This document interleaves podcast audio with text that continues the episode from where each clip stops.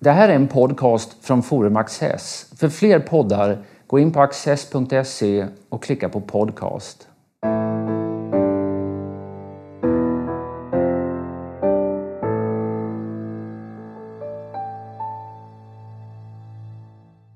Välkomna till Studio Access.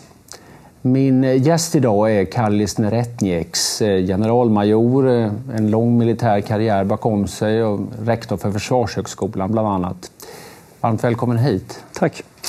Det finns väldigt mycket att tala om när det gäller säkerhets och, försvarspolitiken. Men vi kanske ska börja med den lite bredare bilden. Hur har säkerhetssituationen i Sveriges närområde förändrats de sista, säg, tio åren? Jag skulle nog vilja börja 2004 faktiskt. För då skedde en radikal förändring genom att de baltiska staterna blev medlemmar i Nato. Tidigare, och då går vi ända tillbaka till Sovjetunionen när de var medlemmar eller var en del av Sovjetunionen. Då fanns det egentligen inga, ska vi kalla det för, incitament för Nato att uppträda kraftfullt i Östersjöområdet. För skulle det blivit ett storkrig i Europa så visst hade det varit skäl att försöka bomba ryska eller sovjetiska anläggningar i Baltikum eller i de nära delarna av Sovjetunionen. Fast nu har det inträtt en radikal förändring. Nu är Nato och USA förpliktigade att försvara de baltiska länderna. Och i ljuset av ska vi kalla för utvecklingen i Ryssland idag. Med en mer och mer aggressiv utrikespolitik och där man också skramlar med vapen och genomför en väldigt stor militärreform får man nog säga. Som gör alltså att Ryssland får en avsevärt större militär förmåga. Då blir Sveriges situation eh, faktiskt ganska udda jämfört med tidigare. Tidigare, som jag sa, det fanns skäl för Nato att kanske agera i Östersjöområdet. Men man kunde också avstå om man inte ville. Och då kanske det fanns någon sorts möjlighet för Sverige att hålla sig utanför. Kanske teoretisk, men ändå det fanns i alla fall en teoretisk möjlighet. Men eh, idag är det, ska säga, den möjligheten finns inte längre. Och varför finns inte den? Därför att för att Nato nu ska kunna försvara sina baltiska medlemmar så krävs det att Nato utnyttjar svensk luftrum, sannolikt också svenskt sjöterritorium, för att kunna bedriva operationer i Baltikum. Så paradoxalt nog, trots att kalla kriget är slut, som då alla ansåg var en väldigt förskräcklig och hotande miljö, Sveriges säkerhetspolitiska situation, eller snarare militärpolitiska, är mer utsatt idag än vad det var då. Utifall att det skulle bli en allvarlig kris eller till värsta fall ett krig i Östersjöområdet. Hur medvetet var man i Sverige om detta när det hände? Ja, då blir det återigen historia. På 90-talet så kom väl etablissemanget, om jag kallar för det, politiker, andra beslutsfattare till slutsatsen att nu var krigen borta från Europa. Det skulle aldrig mer kunna bli krig i Europa. Vi hade nya gränser. Alla länder hade erkänt gränserna, inklusive Ryssland. Det var ett faktum att det fanns ingenting att bråka om i Europa längre. Och eh, därför så fanns egentligen inget större skäl heller att fundera på vad innebär det att balterna går med i Nato ur säkerhetspolitisk synvinkel. Och sen nu, tio år senare, då står vi här med en invasion i Krim Påtryckningar på Baltikum. Ja, påtryckningar på oss också förresten om man ska döma av vad Lavrov sa här förra veckan. Den ryske utrikesministern. Ja, just det. Och eh, vi är lite yrvakna. Oj, det här hade vi inte tänkt på kan jag närmast sammanfatta det som. Har vi inte varit yrvakna väldigt länge? Det är ju en sak att man kanske dåsar till då, men om man vaknade vid Georgienkriget och sen fick, så ringde väckarklockan igen eh, under ryska post, påsken och eh, ja, vid ett antal olika tillfällen. Men vi har liksom inte riktigt kommit ur snusläget ännu. Nej, det är ju som du säger. Georgien borde ha gjort att vi vaknade. Men eh, vi har ju en förmåga att eh, ska vi kalla det för lite önsketänkande. Vi vill inte tro det värsta. Och då blev lite förklaringen att ja, Georgien, det var nog en engångsföreteelse som vi inte behöver bry oss så mycket om. Eh, nu visar det sig att det var ju inte det. Och eh, jag skulle säga att det bryska uppvaknandet, det var nog Krim och Ukraina. Och nu, eh, nu springer alla lite som yra höns och undrar, vad gör vi nu då? Och i den situationen sitter vi nu. Ja, vad man skulle kunna säga är ju också att om vi, läget på ett sätt då blir mera komplicerat eh, genom det, eller krävande genom de baltiska NATO-medlemskapen ur svenskt eh, mm. perspektiv. Och ändå så passar vi på i samma veva eh, ungefär uppfinna en helt ny eh, och mycket dunkel och svårbegriplig säkerhetsdoktrin som säger att vi ska hjälpa grannar som råkar illa ut och vi förutsätter att de ska hjälpa oss. Det finns ju liksom inga hårda garantier i detta men har vi ändå inte på något sätt eh, själva också lovat att hjälpa Baltikum om de skulle råka illa ut? Ja, vi har ju solidaritetsförklaringen ja, från svensk sida från 2009. På om den hade utfärdats år 2004 eller 2005, då hade jag förstått det lite mer. För då levde vi fortfarande i vår lilla rosa önskevärld. Men att utfärda den år 2009, ett år efter Georgien, ja, eh, det är svårförklarligt. Någon riktigt bra förklaring har jag faktiskt inte ambassadör Tobias Bertelman som utredde eh, ja, Sveriges internationella åtaganden kan man säga lite förenklat, eh, säkerhetspolitiskt. Han sa att den här solidaritetsförklaringen spelar ingen roll eftersom det ändå inte är någon utanför Sverige som begriper vad den betyder. Du, delar du den uppfattningen? Ja, utan tvekan. Ibland undrar jag om vi själva begriper vad den betyder. Ja, det är nog en annan, eh, en bra fråga det också. Så att säga. Men vad, den har ingen, ingen tar den på allvar. Används den som förevändning då av någon för, för eh, sin, sin, sitt strategiska agerande? Jag har väldigt svårt att se det, att någon skulle göra det. Om vi tar balterna så får man alltid motfrågan direkt när man lyfter fram solidaritetsförklaringen. Jaha, och med vad tänker ni då vara solidariska? Eh, president Ilves i Estland har till och med frågat er att ni tänker skicka olivolja till oss, eller vad då? Eh, och det är lite så. Eh, den tas inte på allvar i Baltikum. Och jag ser väldigt lite här i Sverige, det är ändå vi som har utfärdat den, att vi skulle så att säga ändra eller bete oss på något speciellt sätt tack vare eller trots att vi har utfärdat den den finns där, men någon reell innebörd när det gäller agerande eller annat, det är tveksamt om den har.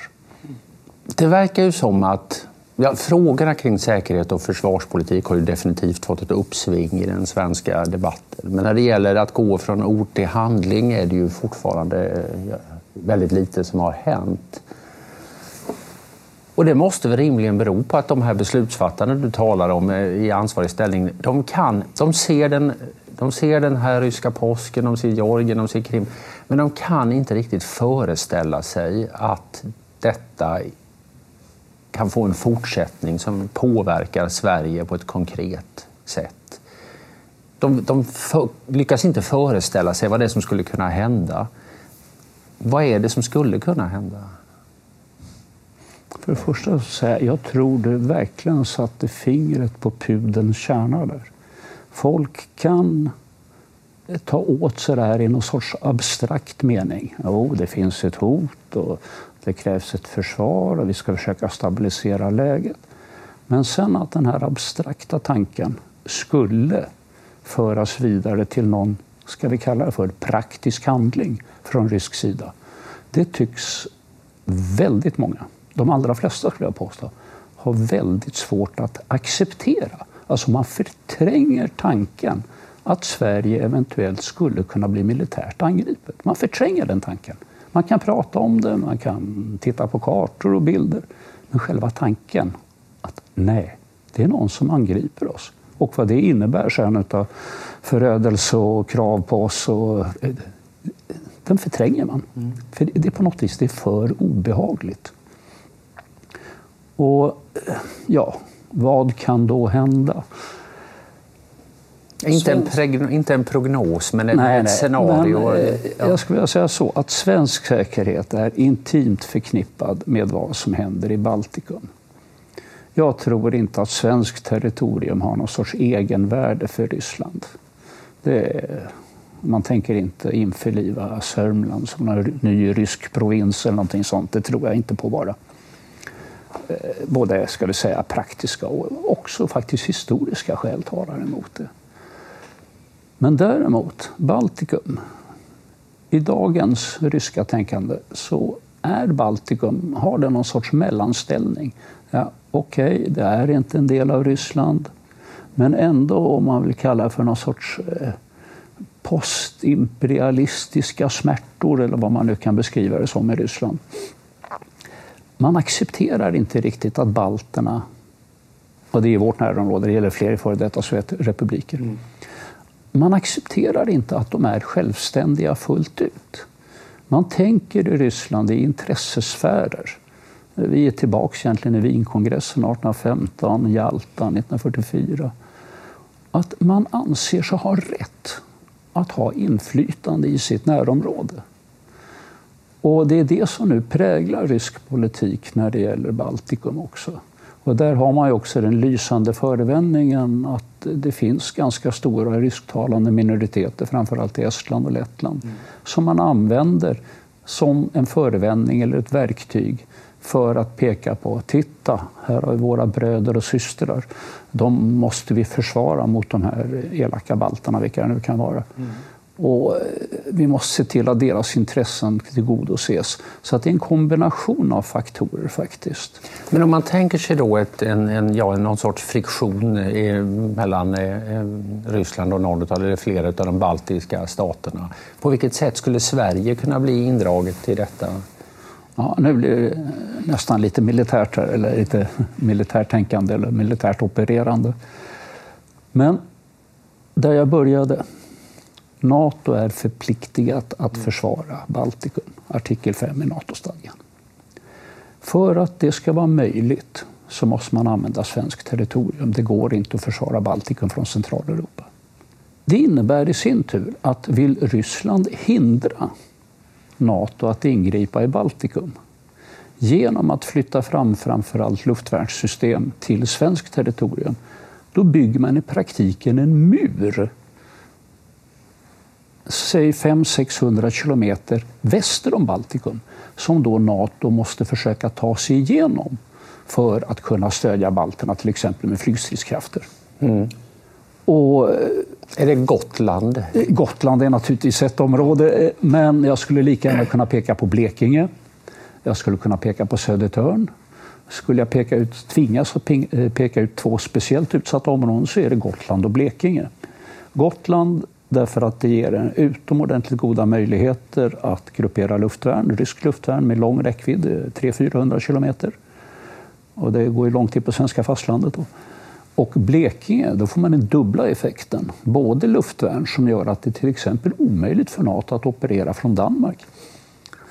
Och delar av norra Tyskland också för den delen. Dessutom med sjömålsrobotar med ungefär liknande räckvidd. Nato har inte en möjlighet att uppträda med örlogsfartyg eller med fartyg i södra Östersjön. Men hela den grundidén det är alltså flytta fram system till svenskt territorium. Då kan man operera ostört i Baltikum. Och skulle man föra det vidare till eh, ska vi säga, ett utdraget krig, det kommer ta så lång tid för Nato att kämpa sig igenom den här muren att eh, Baltikum är förlorat innan det är gjort. Mm. Och det leder ju till en eh, mycket skrämmande tanken faktiskt, att genom att snabbt överraskande låna mindre delar av svenskt territorium så kan Nato ställas inför ett fait accompli där man konstaterar jaha, vi kan inte ingripa i Baltikum innan det är för sent. Ska vi då ens försöka?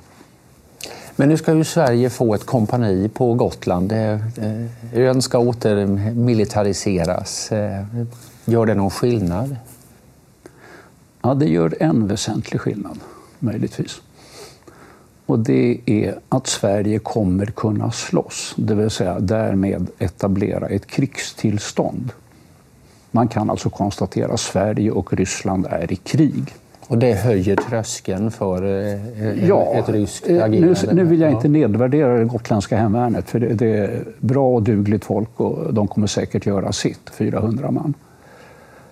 Men eh, måste man börja slåss lite mer på riktigt mot stridsfordon och annat som trots allt kommer finnas på ön så blir det lite... Tröskeln blir lite, lite högre i alla fall mm. än att försöka besätta ön mer eller mindre ja, överraskande över en natt. Mm. Förre överbefälhavaren var ju rätt skeptisk till att använda eh, militära resurser. Om man nu fick en liten förstärkning, då var det inte Gotland han ville prioritera i första hand. Eh, nu har man ändå valt att göra det. Tycker du att man borde ha gjort det ännu mer eller tycker du att eh, Sverker Göransson hade rätt? Jag ska säga så här, för det första är jag väldigt glad för att våra politiker som fattade det här beslutet då mot ÖBs rekommendation. Att de fattade beslutet, för jag tycker beslutet var helt rätt, och att man också genomdrev beslutet. Alla bedömningar när det gäller säkerhetspolitik behöver inte vara militära bedömningar. Mm. Utan det kan också vara politiska signaler och sånt. Och här tycker jag politikerna gjorde helt rätt.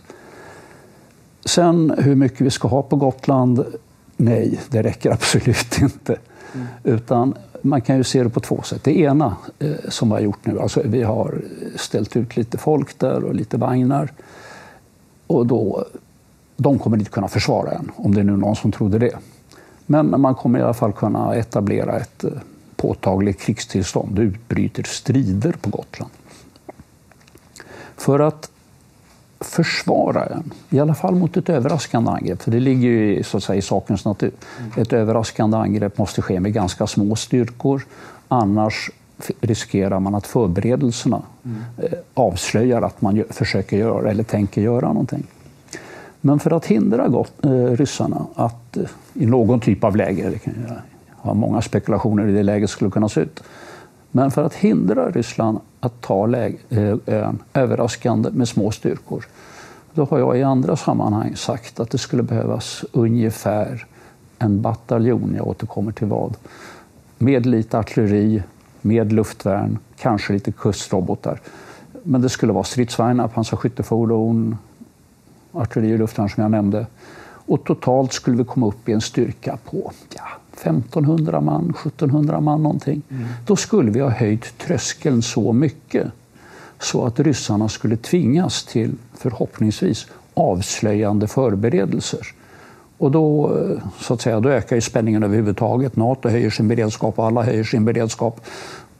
Och det ska vi säga, indirekt leder till en höjd tröskel eh, i hela området, inte bara på Gotland. Mm. Ja, det är en rejäl höjning av ambitionsnivån i så fall och det återstår att se om det det ligger inte riktigt i korten just nu om man så säger. Vi måste röra oss lite vidare. Ja, Nya, flera, flera intressanta ämnen. Ett, ett annat säkerhetspolitiskt ämne. Du nämnde eh, Rysslands utrikesminister Lavrov som i en uppmärksammad intervju nyligen tog upp det här med NATO-frågan. Och man märker ju från ryskt håll att NATO-diskussionen i varje fall eh, har tagit fart både i Sverige och i Finland där det just eh, i dagarna har släppts en rapport om eh, med en analys av vad NATO-medlemskap skulle betyda för, för Finland.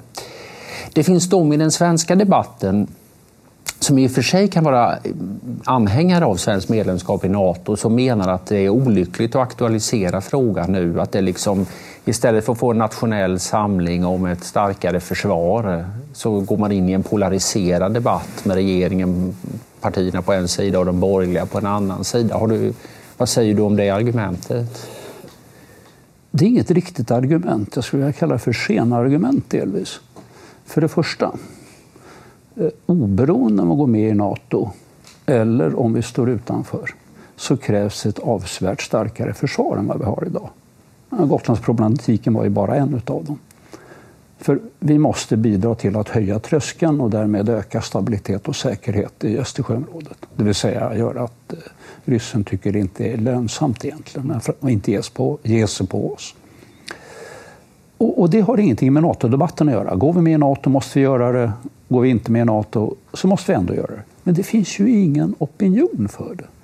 Försvarsöverenskommelsen förra året den la locket på på något vis. Man gav försvaret ett utomordentligt blygsamt eh, tillskott som i praktiken innebär att försvarets andel av bruttonationalprodukten sjunker från 1,1 procent till 1,0 procent om en tre, fyra år. Mm. Så att eh, i vad mån det kallas en satsning, det, det, kan man fråga sig, för det kommer inte innebära så värst mycket. Ja, det blir en häftig debatt, men vad ändrar det? Den här polariseringen som du befarar skulle leda till att man inte kunde enas om ska vi säga, utökade försvarsanslag. Eh, vi får ju ändå inga utökade försvarsanslag. Så den här polariseringen den gör ju varken till eller från. Nej. Politiken följer inte alltid logiken dock, utan eh, det kan tas till förevändning för att eh, bära av en diskussion. Det skulle väl vara argumentet i så fall? Ja, det, det ska vara det. Och, men debatten om NATO-medlemskap måste tas. Vi, vi, kommer inte ifrån det. Därför att, lite som jag skissade på här, svensk säkerhet är egentligen kopplad till baltisk säkerhet. Mm. Skulle det ske någonting i Baltikum, då blir vi indragna, varken vi vill eller inte. Ryssen kommer försöka hejda Nato och Nato kommer försöka använda svenskt territorium för att komma åt ryssen eller i Baltikum. Vi, alltså tro att vi på något vis skulle kunna hålla oss utanför som vi lyckades under första och andra världskriget. Eh, det är rent önsketänkande. Världen ser inte ut så. Vapensystemen ser framförallt inte ut såna. Och ska vi säga intressena, i det här fallet för Nato, de har också ändrat sig. Idag finns det ett behov av att agera i Baltikum. Det fanns inte förr. Hur stor är skillnaden mellan ett fullt NATO-medlemskap och det som Sverige idag har, nämligen ett, ja, får man säga, ett mycket nära samarbete med Nato. Vi är på väg att teckna ett värdlandsavtal. Skillnaden är jag ska säga, i många avseenden väldigt stor. Så länge man står utanför så bedriver man inte, eller kan man helt enkelt inte bedriva gemensam krigsplanläggning. Eh, om vi nu ska ta något litet exempel. Händer det någonting så får eh, Nato ansvara för luftrummet i södra Sverige medan vi ansvarar för luftrummet i mellersta. Alla, alla den typen av planer. Vem ingriper på Gotland i första hand? Är det vi? Vi har inga resurser, men då måste man planera för att Nato kan göra det på något vis. Men allt det här måste knytas ihop i fungerande planer. Och står man utanför så kan man inte tillverka sådana planer. Därför att krigsplanläggningen då skulle ju Nato tala om för en icke-alliansmedlem ni gör det, ni gör det, medan vi gör det. Vill man vara med i planeringen så måste man alltså vara medlem, annars blir det väldigt konstigt. så, det, så det handlar inte bara om det här löftet som finns i NATO-stadgan om att medlemsländerna ska hjälpa varandra, utan det handlar också om förberedelser ja, ja, ja. innan läget blir det, det, är det, som är, eh, det är väl egentligen det som är det viktiga. Mm. Och sen måste man ju knyta ihop sambandssystem, stridsledningssystem, underrättelser. Mm. Vi har idag inte del av Natos underrättelser. Och det är ju ganska naturligt i och för sig. För eh, varför skulle de dela med sig eh, ska vi säga, sina hemligheter till en icke-alliansmedlem? Vi har råkat ut för det i Afghanistan och på Balkan tidigare. Trots att vi uppträdde och slogs tillsammans. Så eh, ska vi säga, höll Nato på underrättelserna. Ni är icke-medlemmar.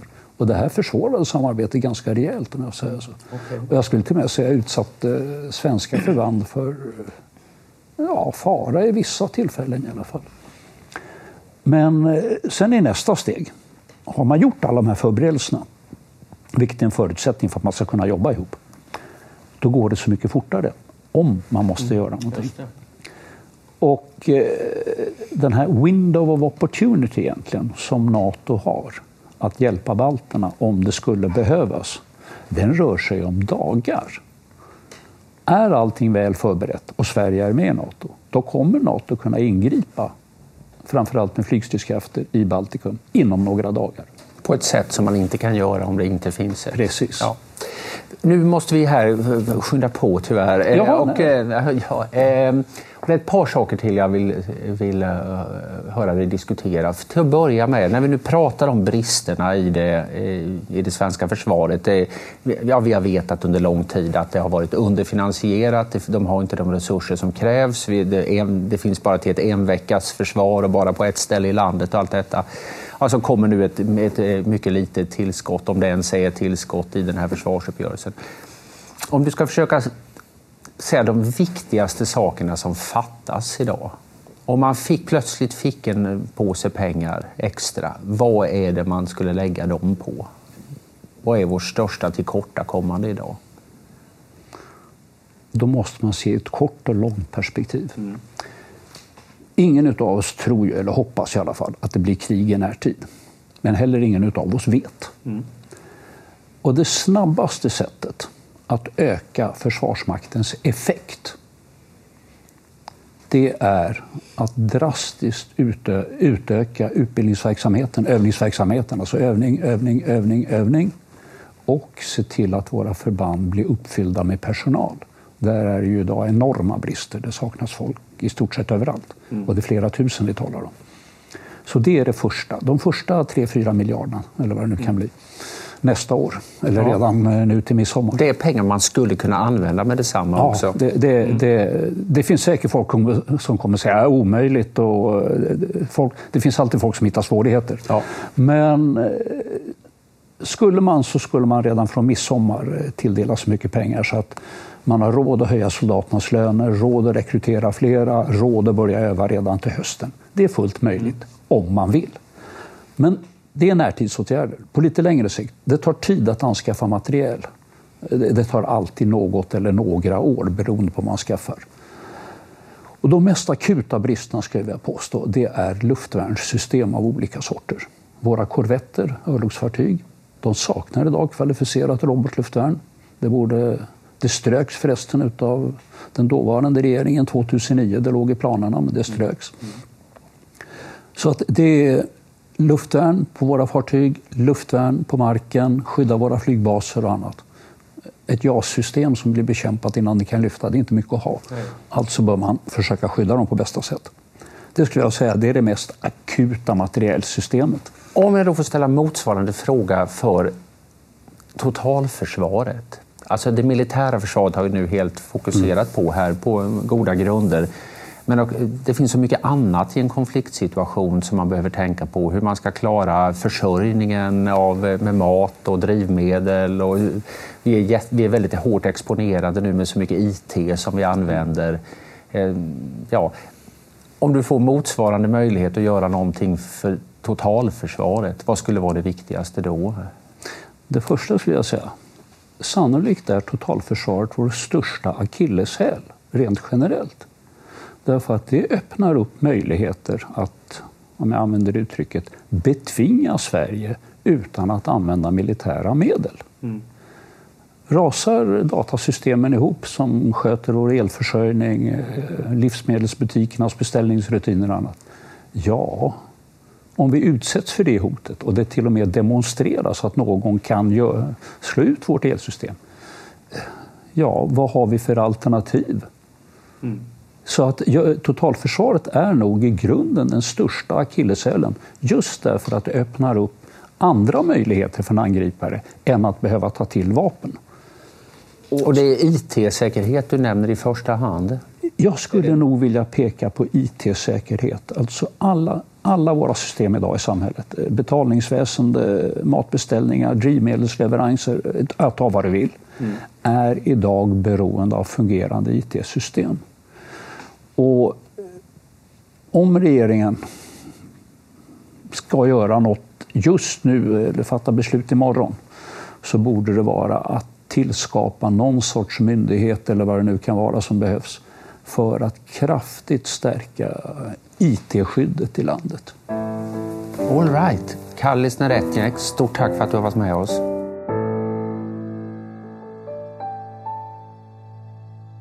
Och här kommer några extra minuter med mig och min gäst. Ett lite annat spår. Alltså, vad som känns uppenbart är att Sverige har ingen riktig säkerhetspolitik.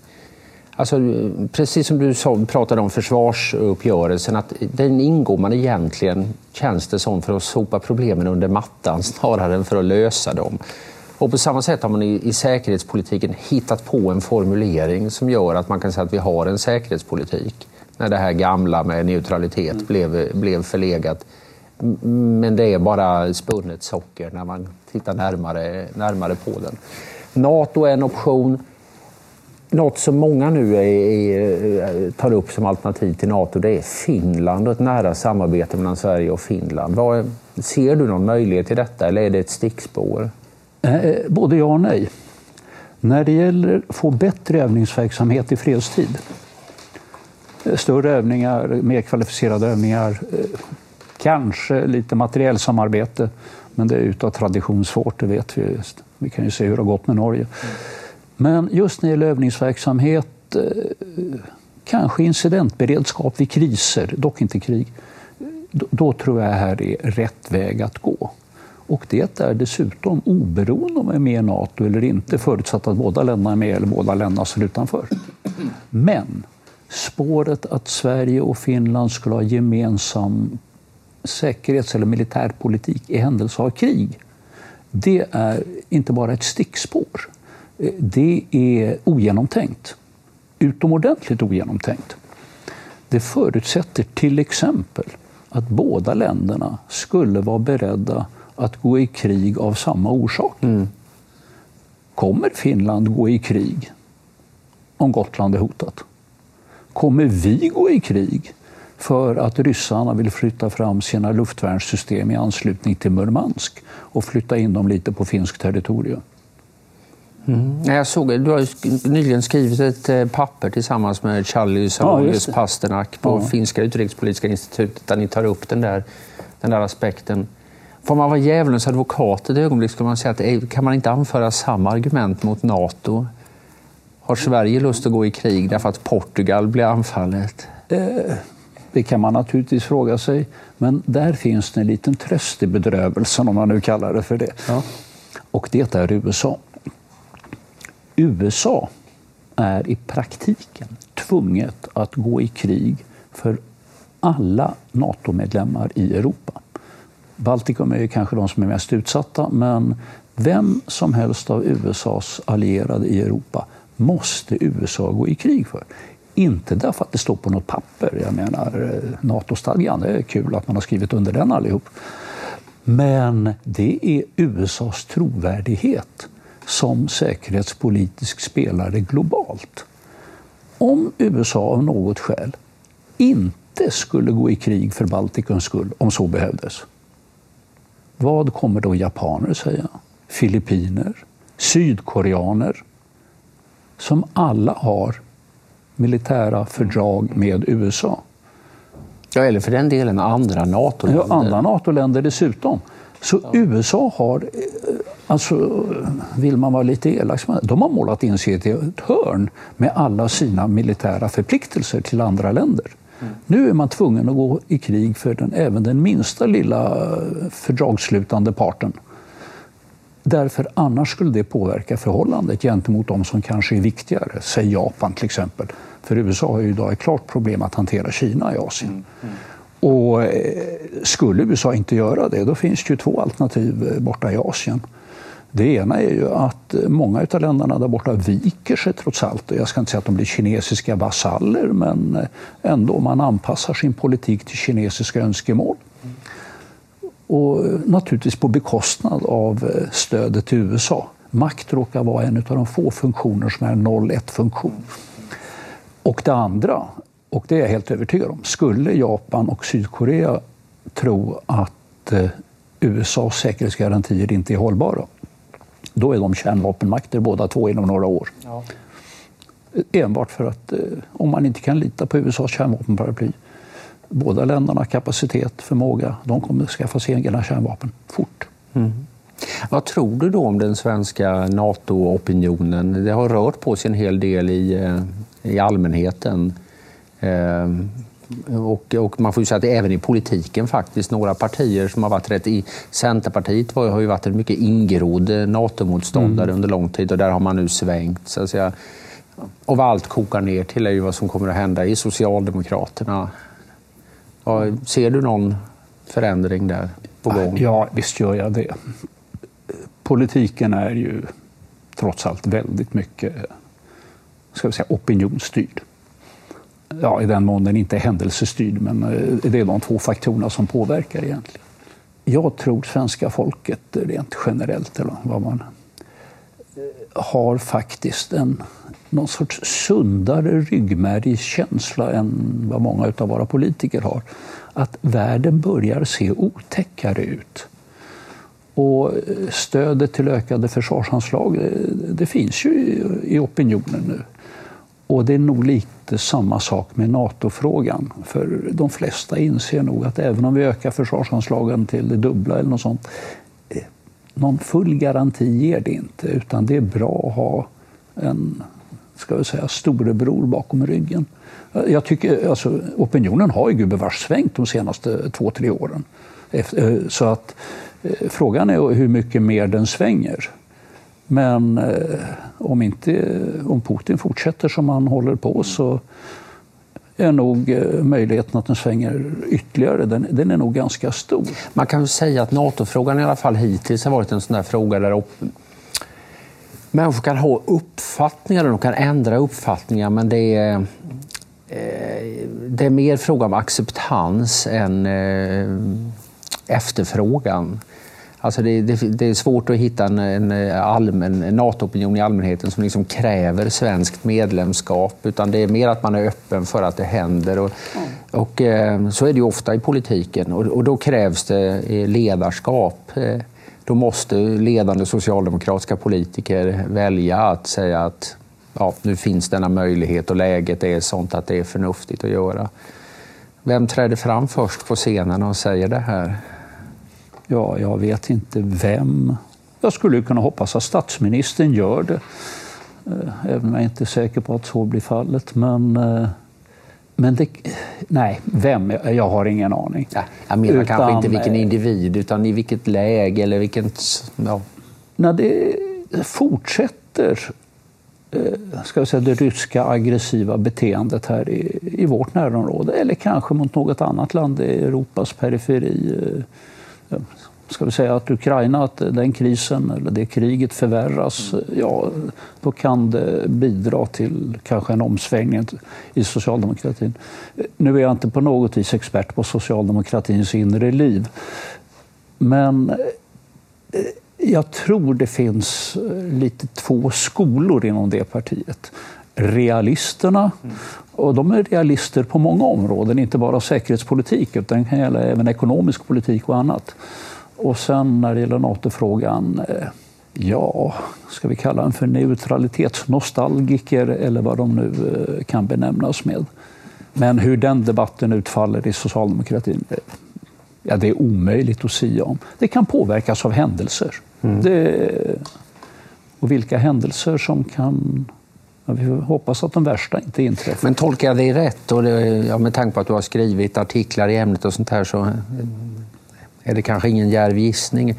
Du menar ändå att, så att säga, socialdemokratins försiktighet, det är inget skäl för andra att vara försiktiga Nej. i NATO-frågan? Det, det, det, tycker jag definitivt inte. De partier och de enskilda människor som har kommit till slutsatsen att NATO är den säkerhetspolitiska lösning som vi ska söka. Eh, de bör nu gå ut och föra debatten och eh, propagera för sina idéer. Det finns ingen skäl att eh, så att säga iaktta någon försiktighet eller vara tillbakadragen i det fallet.